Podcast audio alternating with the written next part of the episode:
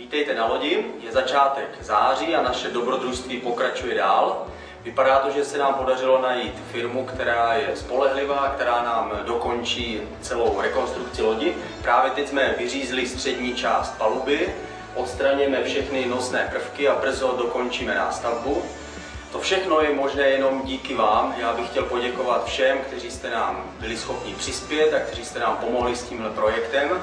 Těch lidí, kteří nám pomohlo, je spousta. Zrovna nedávno jsem dostal mail od jednoho člověka, který si našel ten projekt na internetu a byl ochotný nám poslat 100 000 korun, protože byl přesvědčený o tom, že tenhle projekt eh, změní životy lidí a právě tomu stejnému věříme i my.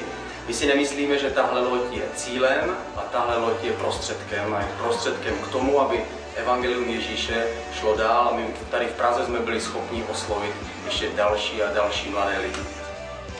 Pokud se chceš připojit k našemu dobrodružství, tak samozřejmě budeme rádi. Jestli nám pomůžeš modlitbou nebo jestli nám můžeš pomoci finančně, tak samozřejmě jsme vděční za jakoukoliv pomoc.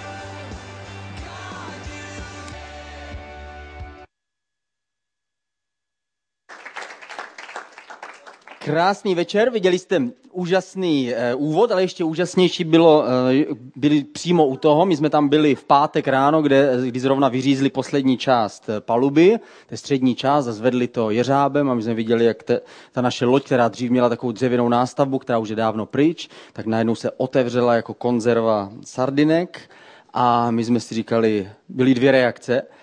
Wow, to je tak velký. A někdo říkal, to je tak malý. ale už jsme to viděli z hora, takže pomalu, pomalu je loď eh, vyříznuta, všechno je, všechno je připraveno na to, aby na to vznikla nová nástavba a my se těšíme, že to pokračuje krok za krokem. Jak jsem říkal eh, v tom úvodním videu, eh, ta loď není naším cílem, ta loď je jenom prostředkem k tomu, o co nám vlastně běží. Nám jde o to, abychom mohli poselství Ježíše přinést ještě dalším desítkám a stovkám lidí tady v Praze a proto ten, tím nástrojem, který určil Bůh, je církev. Církev je takovým klíčem k srdcím lidí. Buď bude blokem pro to, aby, aby člověk přijmul evangelium, řekne jo, to s tím Bohem to jo, ale jako církev a být křesťan to je příliš moc vzdálené, anebo naopak se stává otevřenými dveřmi, kdy člověk říká, no to s tím Bohem mi úplně tak ještě není jasné, ale tohle bych si dokázal představit. Tenhle způsob života nebo tenhle způsob večera bych si dokázal představit. Církev je klíčová eh, a nejdůležitější. Ježíš sám řekl, že on bude stavět církev, on řekl, že bude stavět církev a brány pekla ji nepřemůžou a dokud on se nevrátí, tak bude neustále to dělat. Eh, on staví církev a ty církve potom vypadají různým způsobem. Jsou některé církve, které jsou um, místo bezpečí, místo útulku pro všechny ty, kteří nesnáší změny a nesnáší pohyb. A naopak některé církve jsou nebezpečné a jde tam o život, jde tam prostě o zranění a tak dále. A přesně takovou církví jsme my. Existují určitý, určitá bezpečnostní rady nebo bezpečnostní pravidla, možná jste, když jste byli malí, tak jste někdy slyšeli takové ty, ty bezpečnostní rady, které nám dávají rodiče, nebo my rodiče dáváme dětem, teď už jsem trochu v jiné, v jiné pozici, a říkali nám, eh, neolizujte v zimě zábradlí. A to člověk o tom přemýšlí a říká si, co se teda stane, když předtím takhle varují. A viděli jsme to v jednom českém filmu, co se stane, když několik kluků najednou bude olizovat v zimě zábradlí.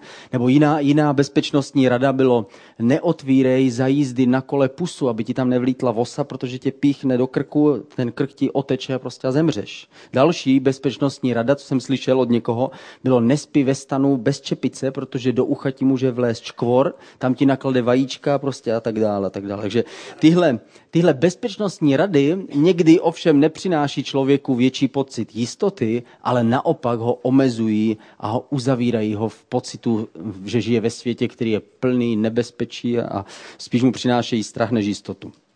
Eh, já jsem viděl jedno video, na které, se, na které se za chvilku podíváme.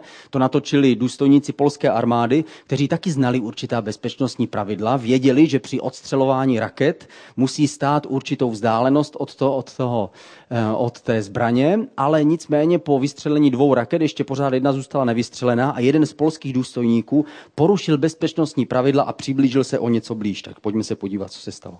Škoda, že jste neslyšeli jeho poznámky k tomu. Nic, nicméně byli v, polči, v polštině a byli všechny slušné. Takže Možná jste si všimli jeho kanat, které letěly společně, společně s tím, když, když, když došlo k tomu výbuchu. Tohle, tohle bylo jasné porušení určitých bezpečnostních pravidel, ale církve také mají také určitá bezpečnostní pravidla. Ale ne v tom dobrém smyslu, ale naopak. Já jsem se podíval na tři z nich, nebo podívám se na tři z nich. Eh, některé církve se snaží chránit svoje, svoje lidi a snaží se jim říkat tři věci. Nikoho se nikdy ničím nedotkni. Za druhé, nikdy nemluv o ničem, co je kontroverzní, nebo co se může někoho, někoho naštvat. A v žádném případě nikdy nic neměj a nedělej novým způsobem. Tohle jsou, je taková charakteristika takzvaných bezpečnostních církví, kdy církev se snaží zajistit maximální pohodlí pro lidi, kteří tam chodí, aby nemuseli měnit svůj život a aby nemuseli začít přemýšlet někdy jiným způsobem. Ale novozákonní církev, tak jak ji vidíme v Biblii, taková, žád, taková vůbec nebyla. Být v novozákonní církvi bylo mírně nebezpečné. Mohli by o tom povídat eh, jedni, eh, jedni starší manžele, kteří se rozhodli připojit se k církvi, ale bylo to pravděpodobně z nějakých zjištných důvodů, protože začali lhát apoštolům a lhali jim, řekli jim, eh, že prodali veškerý majetek a teď to přináší a čekali o to uznání. A apoštol jim říkal, je to opravdu všechno? Rozmyslete si to dobře. A oni řekli, samozřejmě, co by se nám taky mohlo stát. A v tu chvíli padli mrtví, že pod boží moci. Boží moc zabíjí. A v tomhle případě ta církev se stala nebezpečnou církví. Církev může mít, být místo, kde se lidé cítí jenom jistí ve svých vlastní síle, anebo církev může být místo, které nás vyzývá k nebezpečnému životu. My, ICF, máme takové, takové nebezpečné poslání. Naše poslání je jednoduché. My chceme pomáhat lidem do vztahu s Ježíšem Kristem. Nás nezajímá nic jiného. Nezajímá nás o to, abychom se snažili mít, snažit bavit ostatní křesťany, nezajímá nás pozvat všechny nejlepší kazatele z celého světa, aby jsme s nimi udělali konference. Nezajímá nás nic jiného, než to, abychom pomáhali ostatním lidem najít tak s Ježíšem. Když se, když se sejdeme a přemýšlíme, tak přemýšlíme právě o tom. Ptáme se, co můžeme změnit ve svém životě v ICF, v téhle službě, proto, abychom mohli dalším lidem pomoct do vztahu s Ježíšem.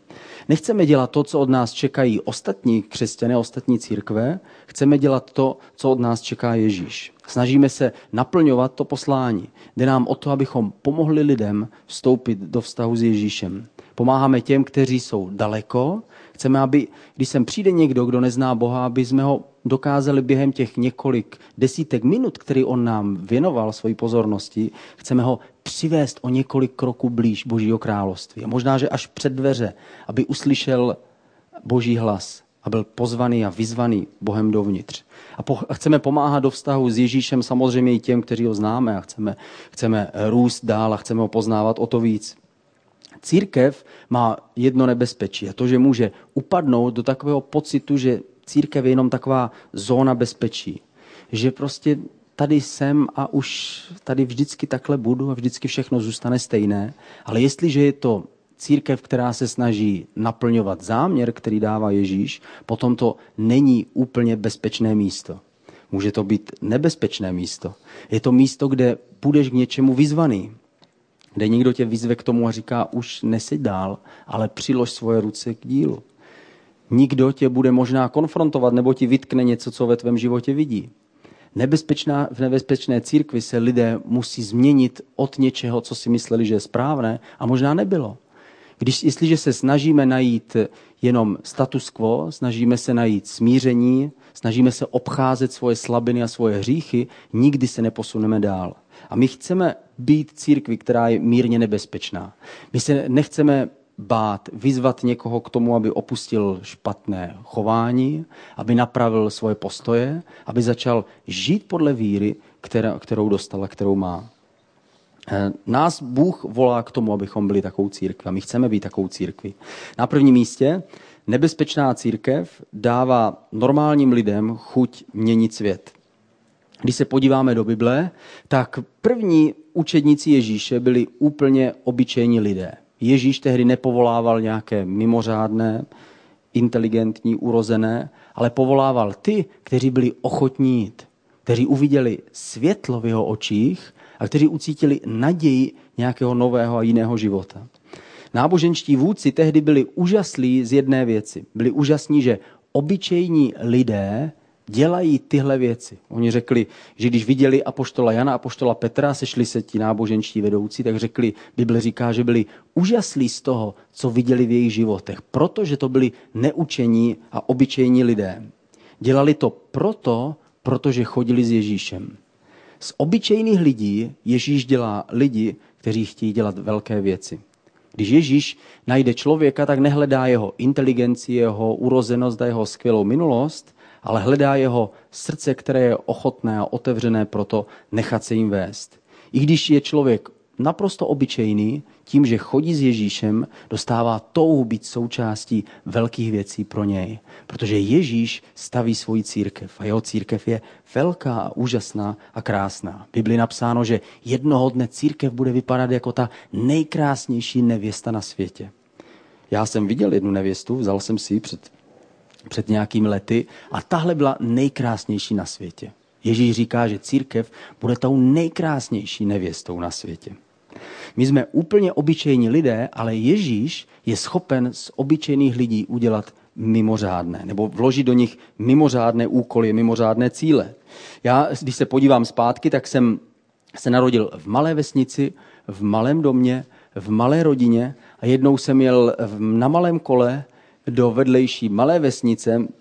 Jel jsem tam ale se speciálním cílem. Bylo tehdy horko, pražilo slunce a moje maminka mi řekla, Jirko, jeď do vedlejší vesnice, musíš tam zalít hrob, jinak tam uschnou kitky na našem hrobě. Takže jsem věděl, tohle je velké poslání v mém životě. A jel jsem tam na kola, vy určitě nebudete vědět ani jméno té vesnice, od které jsem vyjel, ani jméno vesnice, do které jsem jel, ani nebudete vědět, co to byl za hrob, ani já už si nepamatuju, ale přijel jsem tam a tehdy, tehdy eh, jsem když jsem udělal to, proč jsem tam byl, tak zároveň jsem tehdy četl Bibli a byl tam úplný klid. Na hřbitově bývá úplný klid, protože kdo by tam v poledne byl, kromě někoho, kdo je blázen, dojede na kole. A já jsem přemýšlel, modlil jsem se a četl jsem Bibli a v té chvíli mě oslovilo jedno místo, jedno místo z Bible. Bylo to místo o tom, že Bůh otevírá dveře tomu, kterému chce. A tedy jsem si říkal, no to se krásně čte. Co všechno to ale může znamenat? Že bych se třeba dostal až do okresního města? Hmm. A cítil jsem možná, že dál. Možná, že až do Brna. A skutečně uběhlo několik let a já jsem se stal, eh, stal kazatelem v Brně a říkal jsem si, co ještě se může stát, co ještě může znamenat to, že Bůh otevírá dveře pro toho, pro kterého chce. A netušil jsem, že jednoho dne budu v nejkrásnějším a nejdůležitějším městě naší země. Kázat těm nejúžasnějším lidem a snažit se s nima budovat církev, která je nebezpečná a která, je, která má tak těžké poslání, která se rozhodla dělat věci ne tak, jak se očekává, jak by se to mělo a jak by křesťaní to měli dělat, ale snaží se dělat věci jinak, aby k lidem se dostalo evangelium, abychom postavili církev, která bude lidi přitahovat dovnitř. To jsem netušil, ale to, že jsem šel s Ježíšem, proměnilo můj obyčejný život v neobyčejné poslání. Ježíš povolával obyčejné lidi, jeden z nich byl, nebo někteří z nich byli rybáři, jeden z nich byl, um, byl výběrčí daní, žádné, žádná oblíbená práce, jiný byl, um, byl člověk, který byl zapojený v partizánském hnutí tehdy. Takže Ježíš povolával lidi, jejich jména bychom nikdy neznali. Kdyby se nesetkali s ním, a nenašel v nich jinou kvalitu. Nehledal v nich vzdělání, přípravu, skvělou inteligenci, hledal v nich něco jiného. Hledal v nich srdce, které bude ochotné jít s ním a které bude ochotné nechat se zapálit pro ty Ježíšovy věci. Protože Ježíš měl pro ně velký plán. Na konci jim to řekl. Řekl jim, budete v Jeruzalémě v jedné ulici a tam zemřete a tam budete žít. Ne, Ježíš jim řekl, vy půjdete do celého světa a budete kázat evangelium všem lidem. A proto běžte, protože já s vámi jsem. Ježíš měl pro ně mega, megalomanský plán a megalomanský cíl. Řekl jim vy, oni řekli my, ano, vy půjdete do celého světa. Ježíš má s naším životem vždycky větší plán, než očekáváme my sami. Když dneska člověk chce jít na vojnu, eh, chce tam pracovat, tak musí splňovat mnoho podmínek. Musí být zdravý, musí mít eh, nějaké vzdělání, aspoň maturitu, myslím. Musí být tělesně zdatný, musí být schopen běžet něk, eh, několik kilometrů, musí být umět plavat a tak dále. Ale Ježíš nedělal takovýhle výběr. Ježíš má jinou podmínku. On chtěl lidi, kteří chtěli jít s ním do velkých věcí. Ve skutcích Apoštolů v 19. kapitole, 11. 12. verši napsáno, Bůh konal skrze Pavlovy ruce neobyčejné zázraky. Lidé dokonce odnášeli šátky a zástěry z jeho těla na nemocné, nemoci je opouštěli a zlí duchové vycházeli. Eh, tehdy Bůh dělal neobyčejné věci a neobyčejné zázraky. Bůh jednal přes obyčejné lidi, jako jsem ty a já. Já si pamatuju, když jsem se setkal jednou s tou boží mocí, která je tak nezávislá na našich vlastních pocitech a na našich vlastních představách. Dělali jsme takový evangelizační kurz před několika lety a byla tam, eh, součástí toho bylo, že jsme jim řekli eh, těm lidem, kteří hledali, hledali Boha, hledali víru, tak jsme jim řekli, Bůh taky uzdravuje nemocné. A jestli chcete, tak eh, já se budu za vás modlit. Jsem jim tehdy řekl, bylo jich tam asi, já nevím, deset nebo osm. A jedna paní řekla, a tak jo, můžete se teda modlit za mě. A jsem říkal, jaký máte problém? Ona říkala, no půjdu na operaci se srdcem, protože mám, jsem dlouhodobě nemocná, moje srdce už prostě neslouží. A tak jdu na operaci a nevím přesně, jak to dopadne, tak se nějak modlete, ať to prostě pomůže. Tak jsem říkal, dobře, víte o tom, že Bůh, Bible říká, že Bůh je schopen dělat zázraky, je schopen uzdravovat. My to nemůžeme bohužel prodávat a, a, a slibovat a být si tím jistí stoprocentně v každou vteřinu, ale víme určitě, že on to dělá. Takže já se vás budu modlit a uvidíme, co se stane. Modlil jsem se a když přišla po eh, týdnu znova, nebo po 14 dnech, myslím, když jsme měli další, další sezení, tak eh, tam seděla a jsem říkal, jak se máte? Ona říkala, jo, dobrý. Jsem říkal, a co se stalo, něco nového? Ona říkala, jo, akorát nic nového, akorát nemusím na tu operaci. Jsem říkal, jak to? No, byla jsem u doktora, on tu nějak nemohl najít potom, takže nějak prostě jsem tam nešla. Jsem si říkal, to jsou typický Češi tohle, prostě tady největší zázrak mé modlitevní služby se stal. A paní to tady přechází prostě jako, jako že to nebylo nic. Takže nicméně, to, to, je, to je jiná věc. My víme, že Bůh to působí. Bůh je ten, který je mocen. Já si pamatuju, když jsem, byl, eh, když jsem jednou takhle kázal, jako, jako teď, a pak najednou jsem měl pocit, že mám um, promluvit takové slovo, řekl jsem, možná tady seš a máš problémy s žaludkem a Bůh tě chce uzdravit. Já jsem pocit, že to mám říct, ale pak už jsem se na to radši neptal, eh, jestli, jestli, eh, jestli tam někdo takový je, nebyl jsem si tím úplně jistý. A pak později jsem se setkal s jedním, s jedním člověkem, který řekl, víš o tom, jak já jsem uvěřil, můj kamarád mě pozval na kulečník, a když hrál kulečník, jsem mu říkal, hele, ty jsi nějaký věřící, že? A on řekl, no, eh, a co to je za věřící? On řekl, a to bys nerozuměl. On říkal, no tak ale mě to zajímá a scházíte se někde? Jo, ale to bys stejně nenašel. On říkal, ale já bych se tam chtěl jít podívat. No já nevím, jestli tomu budeš rozumět. A vzal ho sebou teda. A ten člověk přišel a trpěl zrovna, zrovna žaludečními vředy. On říkal, a, ty, a najednou ty jsi tam promluvil, řekl, že si někoho bolí břicho. Já jsem zvedl vedl ruku a normálně od té doby jsem uzdravený. Bůh prostě to nějak, něco ve mně se stalo. Takže eh, víme, že Bůh je schopen dělat nadpřirozené věci. Ať už se to stane nebo ne, tak máme jednu jistotu. Církev dokáže měnit lidské srdce a lidské životy všichni, celá společnost by si přála, oni to sice nepřiznají, ale by si přála, kdyby se církvím dařilo. Všichni by si přáli, aby jejich lékař jim nikdy nelhal. Všichni by si přáli, aby jejich politik nikdy nekradl. Všichni by si přáli, aby všichni podnikatelé platili daně a nepodváděli. Všichni by si přáli, aby učitelé dělali svoje, svoje, svoji práci jako poslání, kterému věří, že ho mají naplnit. Všichni, celá společnost touží potom, aby se církvím dařilo. Ale když na to přijde řeč, tak už tomu tak nevěří. Ale ve skutečnosti tohle je to, co dělá církev. Církev produkuje lidi, kteří nelžou, kteří nechtějí krást, kteří chtějí pracovat, jako by to bylo pro samotného Ježíše, kteří se snaží dát to svoje nejlepší tomu, co dělají a celá společnost z toho může profitovat. Takže církev je místo, kde lidé, kteří jsou normální, můžou začít nadpřirozený život a můžou měnit svět. Druhé, druhý bod, Nebezpečná církev mění lidi z konzumentů na ty aktivní, z těch, kteří jsou konzumní, na ty, kteří jsou aktivní. Ve skutcích apoštolů ve druhé kapitole, 44. 45. verš, je napsáno, všichni věřící byli spolu a měli všechno společné. Prodávali pozemky a majetky a rozdělovali všem, jak kdo potřeboval. Tehdejší církev byla velmi nebezpečná. Ne, že by to od nich vyžadovali, říkali, musíš prodat svoje pozemky, musíš být chudý, jinak tady nesmíš být, ale byla tam taková atmosféra, že ti, kteří měli, tak cítili s těmi, kteří neměli. A viděli, jak to, že jsem tady, jsem, jsem jejich bratr, jsem, jsem, patřím do stejné rodiny a jsou tady chudí, kteří nemají vůbec peníze a já mám ještě pole, mám pozemky. A oni se rozhodli prodávat svoje, svoje majetky, aby pomáhali. Začali totiž vidět, že ty zdroje, které měli, nebyly jenom jejich vlastní zdroje, ale staly se božími zdroji. Jestliže začnu vidět, že můj život, moje síly, moje zdroje, všechno, co mi bylo dáno a svěřeno, nepatří jenom mně, ale patří Bohu, tak pak začnu přemýšlet jinak. Začnu přemýšlet už ne jako ten, který se ptá, kde, odkud mi začnou lítat pečení holuby. Co se ještě může stát dobrého, aby to přišlo do mého života? Co ještě dej, dej, dej, ještě chci, ještě chci víc. A začínám se ptát, co teda s tím, co mám? Co teda mám udělat?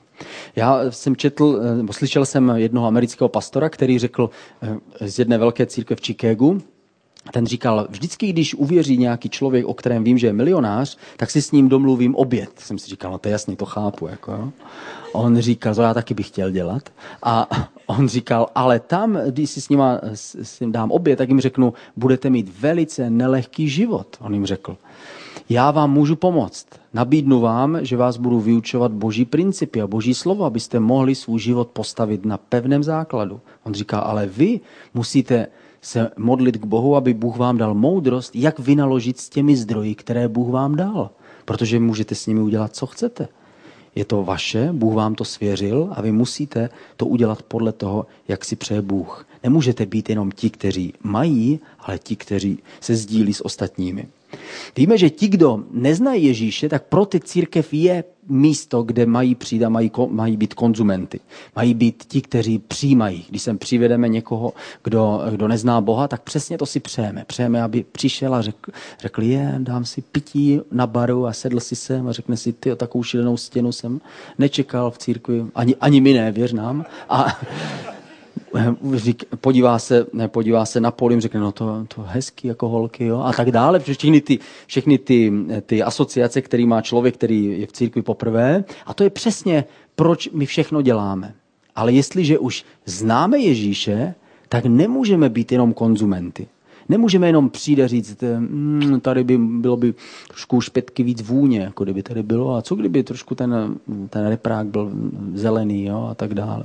A co kdyby ten kazatel byl trochu vtipnější a, a, a, tak, a tak dále. No, snažím se, jako jo. Konzument je ten, který říká, všechno je jenom o mně, všechno jenom pro mě. To je ten, když si koupím lístek, když jsme šli s manželkou do kina, koupili jsme si lístek, včera myslím, nebo předevčírem, a šli jsme do kina a všechno tam bylo připraveno pro nás. Že? Sedli jsme si, dívali jsme se. A kdyby byla nějaká chyba, tak si budeme stěžovat a chceme, chceme vrátit vstupné. Ale jestliže už eh, jestliže mi vlastní, jestliže vlastním to kino, tak pak už nemůžu vracet lístky jenom tak. Pak nemůžu si stěžovat na to, že všechno neběží. Pak musím sám utíkat do strojovny a zeptat se, který dneska promítá. Musím se snažit zlepšit věci. Jestliže jsem jsem aktivní, nejsem konzumní, tak se zajímám o to, eh, o všechny ostatní. Ptám se, jak můžeme tohle místo opravdu mít místo, kde lidé mohou přijímat. Jak můžou přijímají ostatní od Boha?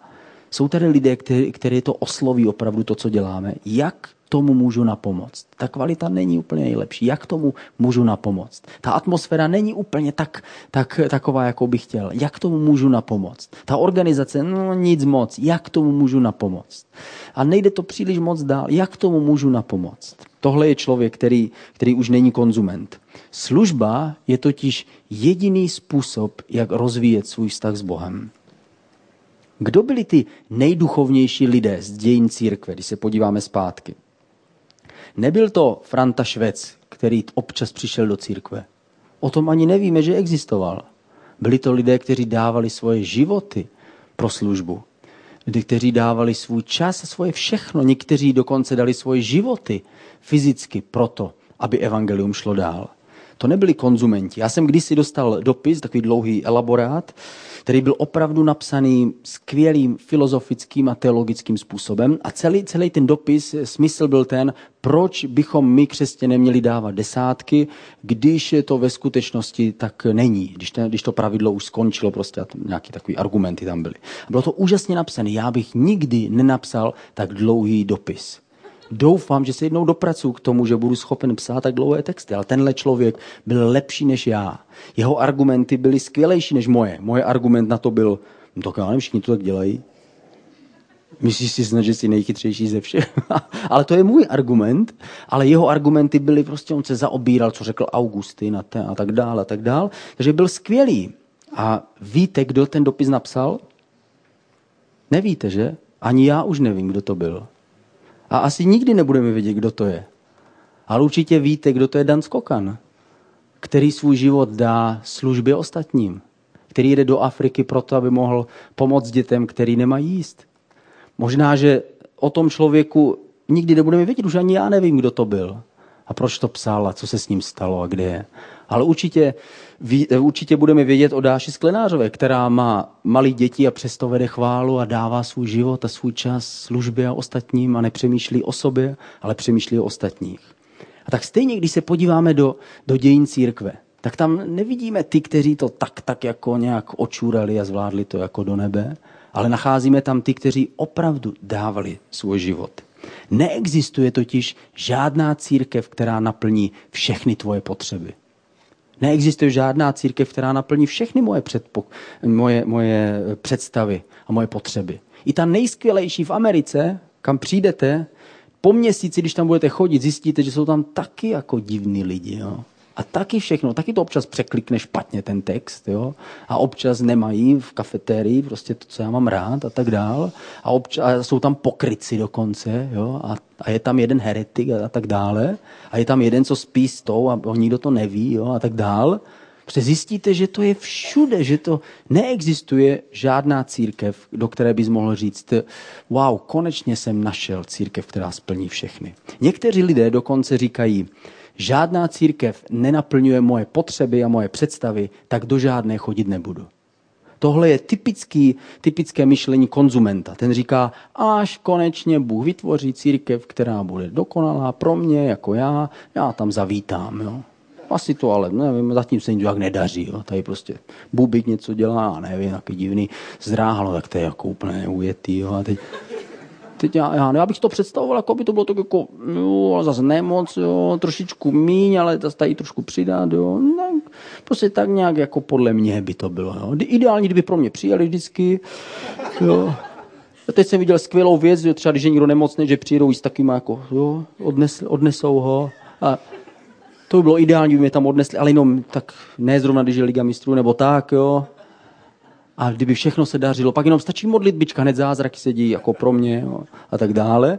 Ale taková církev nikdy není. Církev totiž není jenom pro nás, církev totiž je i pro ostatní, pro ty, kteří mají slyšet evangelium. Ježíš řekl, běžte do celého světa. On samozřejmě zároveň řekl, budu stavit svoji církev, abyste mohli jít do celého světa a kázat evangelium.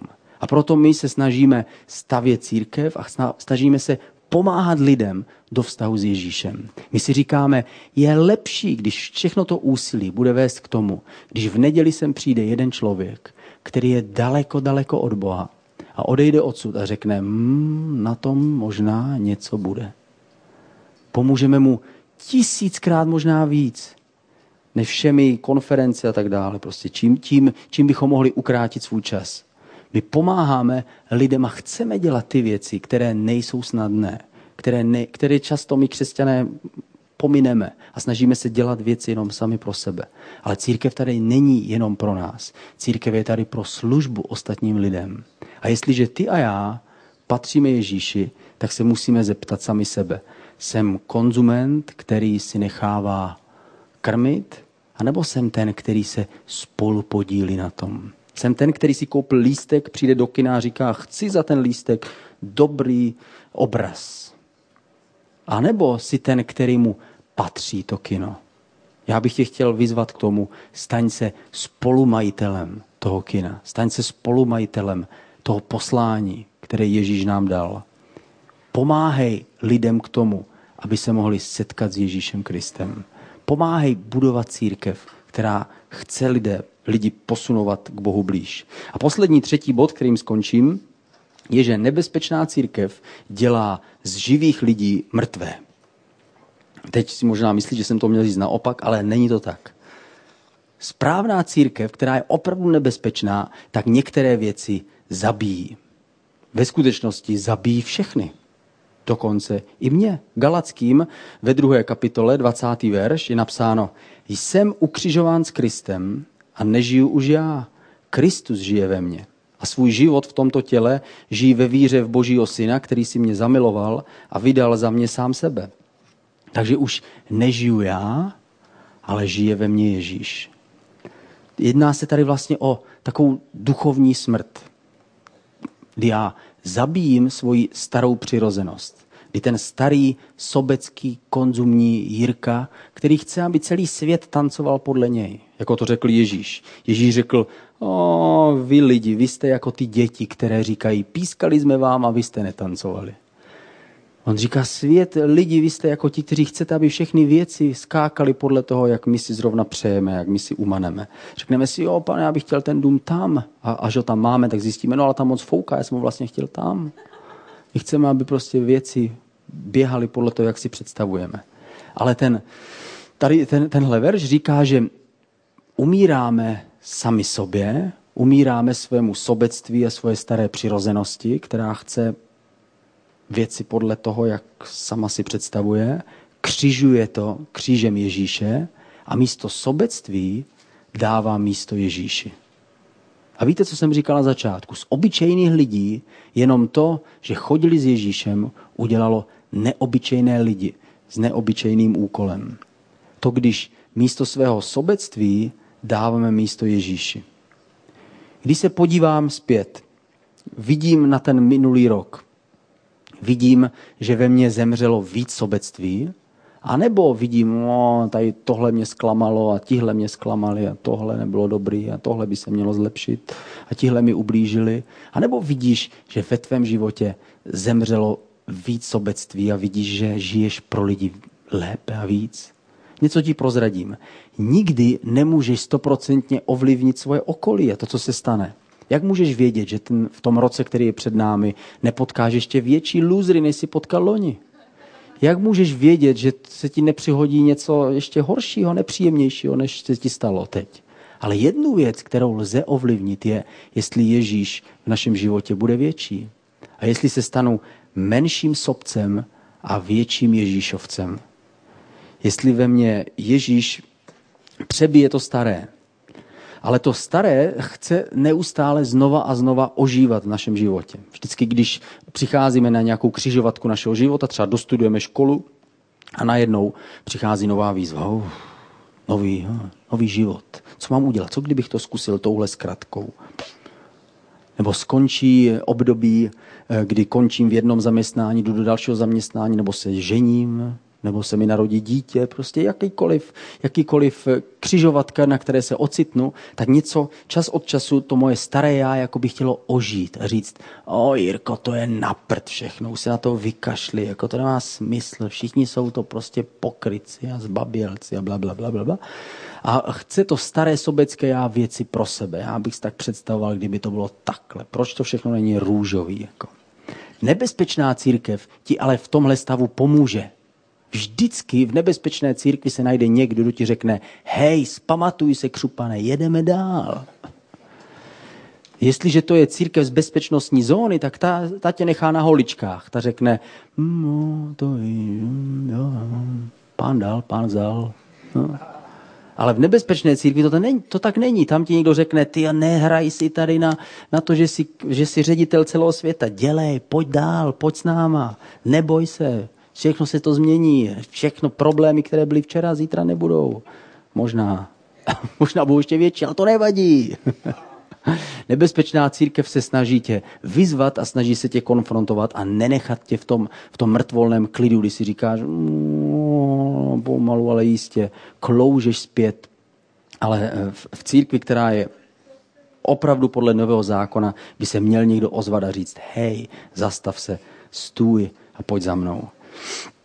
Církev, kterou stavíme, chcem, my chceme stavět církev, ve které přesně tahle atmosféra se najde. Kdy my budeme společně usilovat o to, abychom nejenom vyznávali to, že Ježíš je náš pán, ale abychom žili to, že Ježíš je náš pán. My chceme pomáhat ostatním lidem, aby přišli k Ježíši.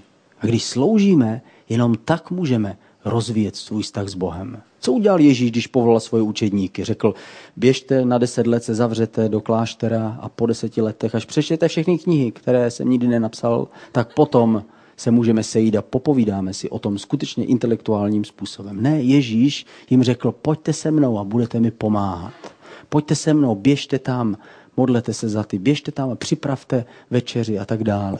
Tím, že s Ježíšem chodili, tak museli pomáhat a museli sloužit. Jestliže chceš svůj život s Bohem rozvíjet a prohlubovat, nemůžeš se dostat hlouběji než k pomoci, ke službě a k nesobeckému odevzdání svého života ostatním. My nechceme být konzumenti jenom, ale chceme být ti, kteří jsme spolu sloužící a spolumajitele. Pojďme se modlit společně. Ježíši, my víme, že ty jsi takový, že ty povoláváš lidi a dáváš jim ty, ty těžké výzvy a nevytrhneš nás hned ze všech, ze všech starostí, ze všech problémů, ale že ty chceš, abychom proměňovali svoje mysl, a abychom proměňovali svůj život, abychom napravovali ty svoje špatné cesty, aby byly dobré a to stejné si přeješ pro naši církev. Tak my se modlíme, aby ICF byla ta církev, která bude nebezpečná pro hřích, nebezpečná pro sejtí z cesty, ale abychom skutečně pečovali jedni o druhé a nebáli se mluvit o věcech, o kterých by se mělo mlčet. My se modlíme, abys nám pomohl všem nebýt jenom konzumenti, nebýt pasivní, ale zapojit se do toho poslání, které si nám dal, abychom pomáhali ještě dalším lidem najít vztah s Ježíšem, najít vztah s tebou. Tak my tě prosím, abys nám pomohl a ukázal, jakým způsobem můžeme tobě prospět ve tvým jménu Ježíši. Amen.